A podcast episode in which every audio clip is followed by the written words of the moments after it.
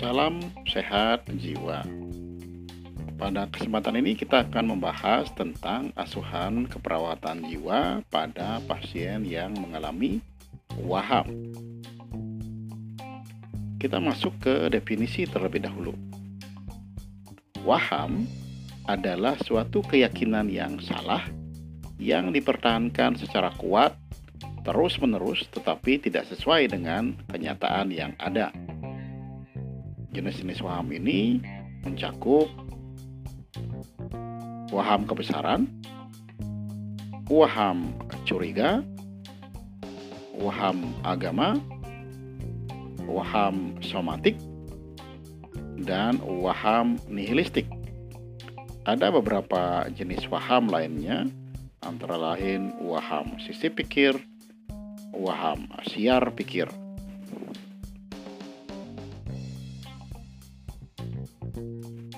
Format pengkajian fokus pada pasien waham mencakup beberapa hal antara lain apakah pasien memiliki pikiran atau isi pikir yang berulang diungkapkan dan menetap, takut terhadap objek atau situasi tertentu, cemas secara berlebihan tentang tubuh atau kesehatannya, pernah merasakan bahwa benda-benda di sekitarnya aneh dan tidak nyata. Merasakan bahwa ia berada di luar tubuhnya. Pernah merasa diawasi atau dibicarakan oleh orang lain. Merasa bahwa pikiran atau tindakannya dikontrol oleh orang lain atau kekuatan dari luar.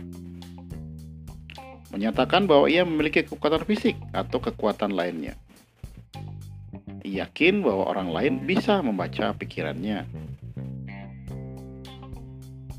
Kemudian kita kaji kaitannya proses pikir yang terkait dengan cara komunikasi pasien saat diajak wawancara yang mencakup apakah pasien mengalami sirkumstansial, tangensial, flight of ideas, blocking, kehilangan asosiasi atau pengulangan bicara.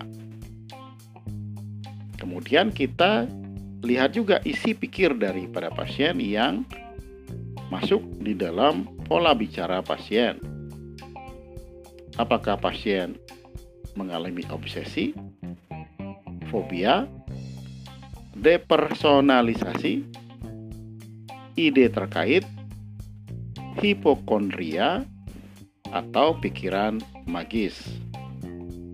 Demikian juga kita lihat proses pikir daripada pasien ini. Apakah selalu membicarakan terkait dengan agama, somatik, merasa hebat atau kebesaran, kemudian curiga, nihilistik, sisi pikir, siar pikir, dan kontrol pikir.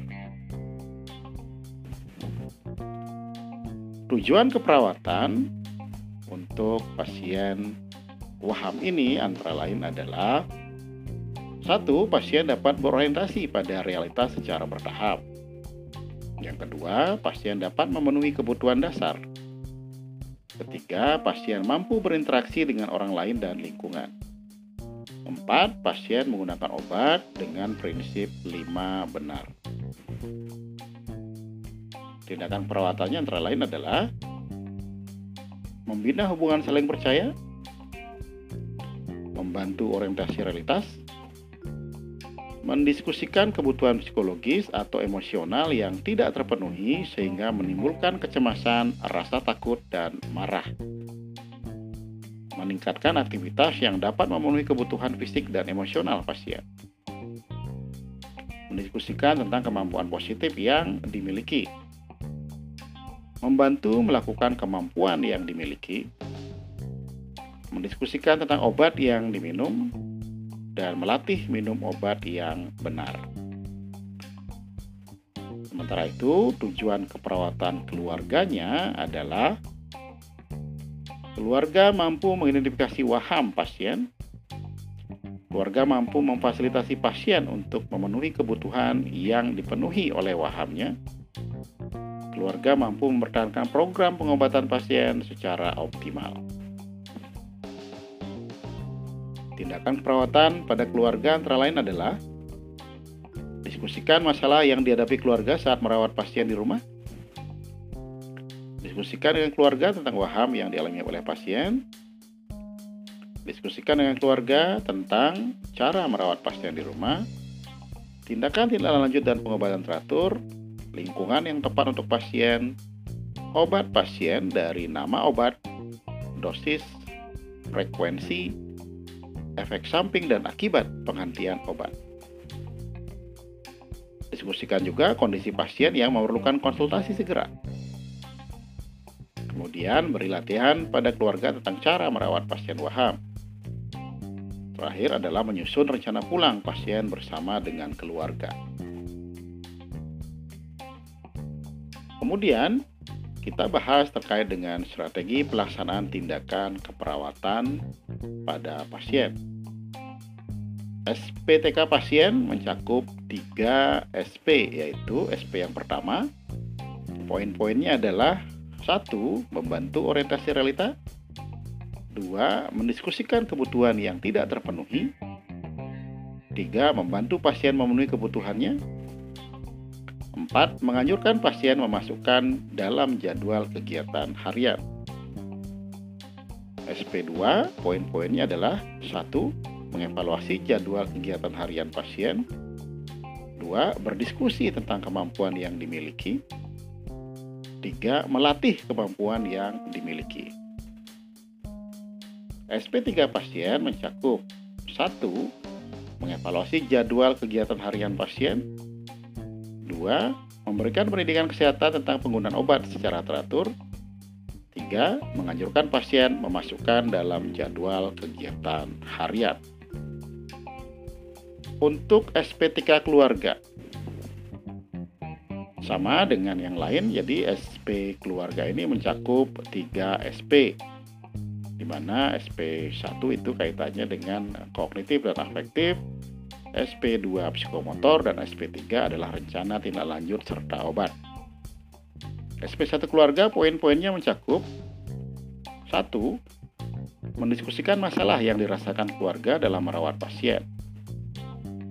2. Menjelaskan pengertian, tanda dan gejala, jenis serta proses terjadinya waham yang dialami oleh pasien.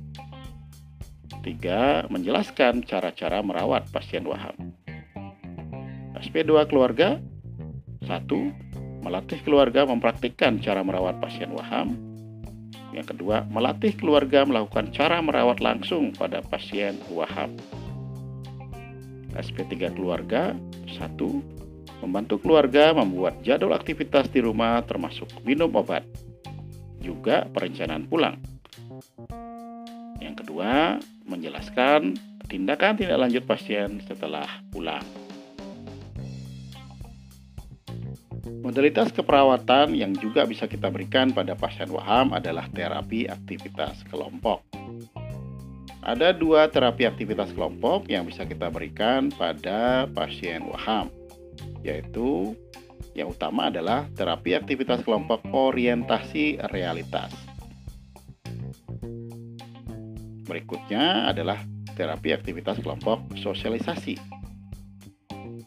Untuk terapi aktivitas kelompok orientasi realitas ini mencakup tiga sesi, yaitu sesi 1 pengenalan orang, sesi 2 pengenalan tempat, sesi 3 pengenalan waktu. Sementara untuk TAK sosialisasi ini mengacu pada pasien yang isolasi sosial karena memang pada pasien-pasien waham juga banyak yang mengalami isolasi sosial sehingga diperlukan juga TAK sosialisasi yang mencakup sesi satu adalah kemampuan memperkenalkan diri sesi dua kemampuan berkenalan sesi tiga kemampuan berbicara sesi empat kemampuan berbicara topik tertentu sesi lima kemampuan berbicara masalah pribadi Sesi 6 kemampuan bekerja sama dan sesi 7 evaluasi kemampuan sosialisasi. Demikian bahasan kita terkait dengan asuhan perawatan jiwa pada pasien waham. Semoga bermanfaat dan salam sehat jiwa.